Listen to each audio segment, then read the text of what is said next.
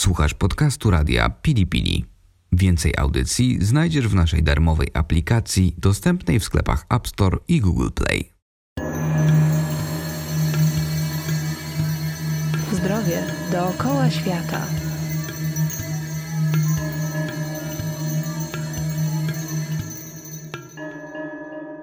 Cześć, nazywam się Kinga Tuńska i zapraszam Was na audycję Zdrowie dookoła świata. Oprowadzę Was po najodleglejszych zakątkach świata, odkrywając ponadczasowe tajemnice zdrowia, urody i długowieczności. Przemierzę szlaki od Indii po Amazonię w poszukiwaniu tradycyjnych, lokalnych metod uzdrawiania, począwszy od ziołolecznictwa, leczenie dietą, po rytuały szamańskie. Przekonamy się, jak wiele z tych metod nadal ma cudowną moc uzdrawiania, tak dziś potrzebną zagubionemu w cywilizacji człowiekowi XXI wieku. Medycyna chińska to jeden z najstarszych systemów medycznych na świecie. Od co najmniej 3000 lat skutecznie nie tylko leczy, ale jest znakomitą metodą profilaktyki zdrowotnej. W dzisiejszej audycji zabiorę Was w podróż do Chin.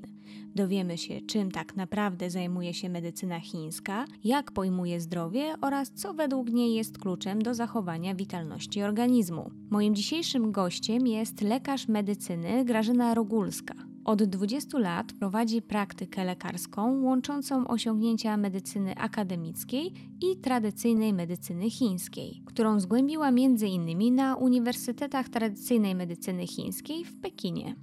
Jak zatem tradycyjna medycyna chińska postrzega człowieka, pojmuje zdrowie i chorobę?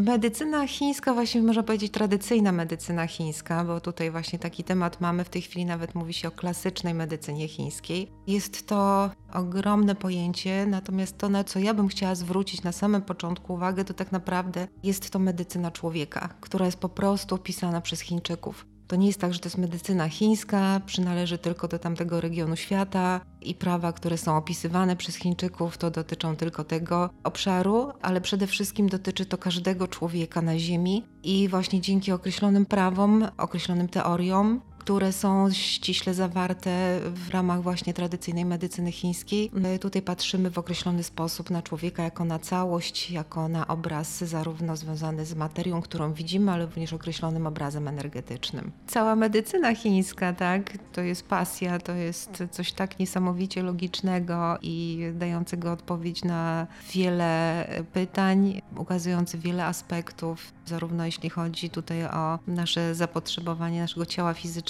ale również i naszych emocji i to w jaki sposób emocje bardzo silnie też wpływają na nasze ciało. Te czynniki wewnętrzne są bardzo ważne, jeśli chodzi o wpływ na nasze ciało, jeżeli one są nadmierne albo długotrwałe. To chociażby taka sytuacja, gdzie strach, lęk jest powiązany z nerkami e, i bardzo silny strach może zaburzyć funkcję nerek. Tradycyjna medycyna chińska stosuje różne formy leczenia, od akupunktury po dietę aż do ziołolecznictwa. Do czego Chińczycy przywiązują szczególną wagę? Jeśli chodzi o medycynę chińską, mówi się tutaj, czy o filozofię też chińską, mówi się o chi, o energii i tak naprawdę wszystko wokół nas jest energią. Chociażby nawet w też się mówi o pranie, tak? o tym, że to jest coś, co jest wszechobecne. Tak naprawdę wszystko składa się wokół nas z energii. Natomiast jeśli chodzi bardziej jeszcze o ciało człowieka, to każdy z narządów też, poza tym, że my jako człowiek mamy określoną energię, to jeszcze jest ona dzielona, my mówimy o tak zwanej energii przedurodzeniowej, energii pourodzeniowej. Energia przedurodzeniowa jest otrzymywana od rodziców w momencie poczęcia. Pourodzeniowa to już jest ta energia, którą my podtrzymujemy nasz organizm, czyli ta, którą pozyskujemy z jedzenia, e, podczas snu, podczas oddychania, czyli z powietrza, tak? Tutaj możemy powiedzieć o tlenie i tak dalej, to już mamy inne tutaj zrozumienie, jeśli chodzi o naszą medycynę akademicką, natomiast jakby jest to bardzo spójne i jak najbardziej możemy to wytłumaczyć też, jak to wygląda. Tyle tylko, że większa wiedza, jakby myślę, że jednak na ten temat jest z punktu widzenia tej tradycyjnej medycyny chińskiej, do czego w tej chwili tak bardzo często też się sięga. I to jest ta medycyna, która tak naprawdę nigdy nie zaginęła, czy wręcz przeżywa w tej chwili, e, można powiedzieć, renesans i, i ayurveda i człowiek widzi, że jest jeszcze to coś innego, co jest tutaj ważne, intuicyjnie też czujemy. Według medycyny chińskiej nasze ciało podlega określonemu rytmowi dobowemu – tak zwanemu zegarowi narządów, podczas którego każdy organ osiąga w ciągu dnia swoje dwugodzinne maksimum i minimum energetyczne. Jak zaburzenia tego rytmu może wpłynąć na nasze zdrowie?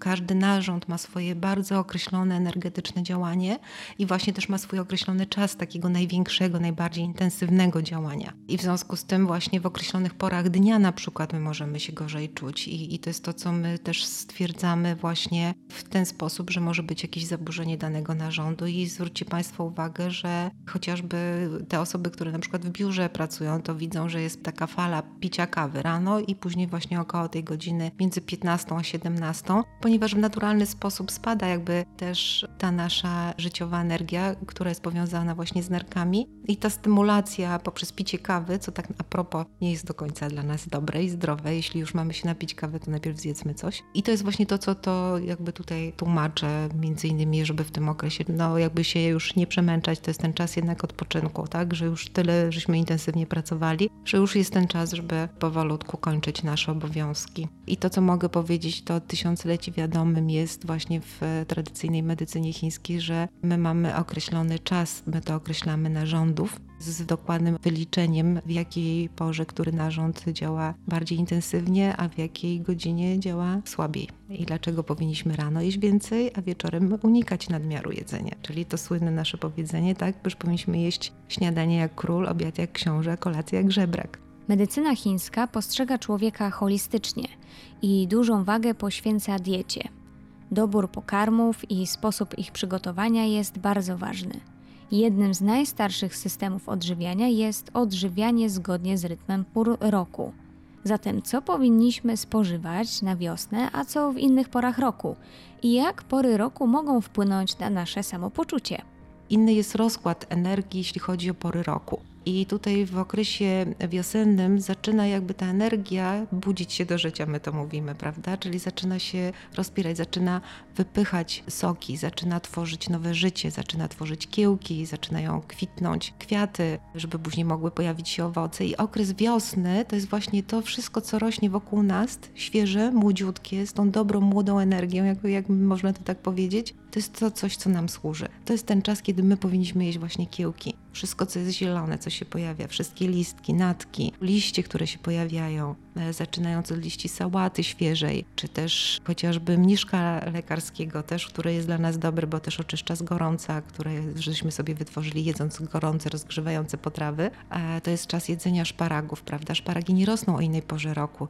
Czyli tutaj jakby nawiązując nie tylko do pory roku, jaką jest wiosna, ale bardzo ważne jest dla nas to, żebyśmy jedli to, co rośnie o danej porze roku, ponieważ to ma dla nas określoną jeszcze energię. My oczywiście mamy określoną materię, którą widzimy, czyli mamy określone ilości białka, określone ilości witamin, minerałów i tak ale bardzo ważne jest też to, jaką to niesie ze sobą energię, żeby to może bardziej przybliżyć i zrozumieć, jak idziemy na targ, to kupujemy jędrne jabłko, a nie zwiędnięte, prawda? Gdzieś tam intuicyjnie wybieramy te najjędrniejsze, te najtwardsze, nie szukamy tych takich już podwiędniętych prawda? To wiemy, ponieważ tam właśnie jest ta energia, którą my intuicyjnie czujemy, ale właśnie w tym okresie pozimowym. Jeżeli w zimie, ponieważ zima tak naprawdę to jest czas odpoczynku, to najlepiej widać po naturze. W tym momencie natura odpoczywa. Tak naprawdę to jest czas, kiedy my powinniśmy jak najwięcej odpoczywać, jak najwięcej spać. Niestety często tego nie robimy. Zwłaszcza my ludzie zachodu. Kończymy na przykład pod koniec roku różne projekty, zarywamy noce i nie zdając sobie sprawy z tego, że też uszczuplamy swoją tą własną życiową energię, którą my też określamy w tradycyjnej medycynie chińskiej, że ona jest właśnie gromadzona przez nerki, zarządzana nimi. I kiedy w okresie zimy nie zadbamy prawidłowo o siebie, to właśnie w tym okresie wiosennym, kiedy ta energia zaczyna się budzić do życia, jeżeli mamy troszeczkę niedosyt, e, to wtedy możemy czuć się bardziej zmęczeni. To też jest taki sygnał dla nas, żebyśmy właśnie może wzięli sobie tydzień urlopu, odpoczynku. I no niestety to nie jest tak, że mm, nie mamy, nie damy rady. Natura jest jaka jest, po prostu noc zapada, czy my chcemy tego, czy nie chcemy. Jeżeli zarywamy noce i robimy to notorycznie, to niestety będzie się to odbijało na naszym zdrowiu. To jest właśnie to, co jest mówione w tradycyjnych tekstach, w tych starożytnych księgach od samego początku, że tak naprawdę najważniejsza jest profilaktyka zdrowia, najważniejsze jest to, w jaki sposób prowadzić życie, żeby nie dochodziło do tych zaburzeń. Jak leczy medycyna chińska?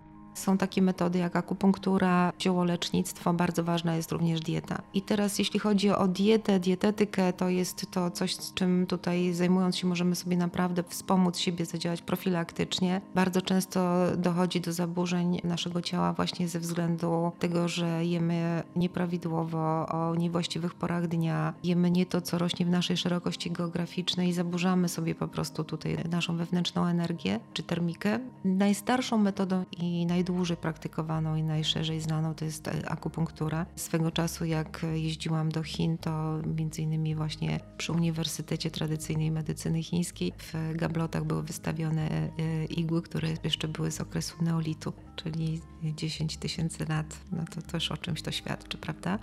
Też e, znaną metodą jest ziołolecznictwo i zarówno jedna, jak i druga metoda leczenia możemy również też wspierać i bardzo ważna jest na etapie leczenia, czy ziołami, czy akupunkturą dieta. Ogromnie ważna. Gdy nie dojdzie do zmiany diety, naprawdę jest bardzo trudno wspomóc pacjenta.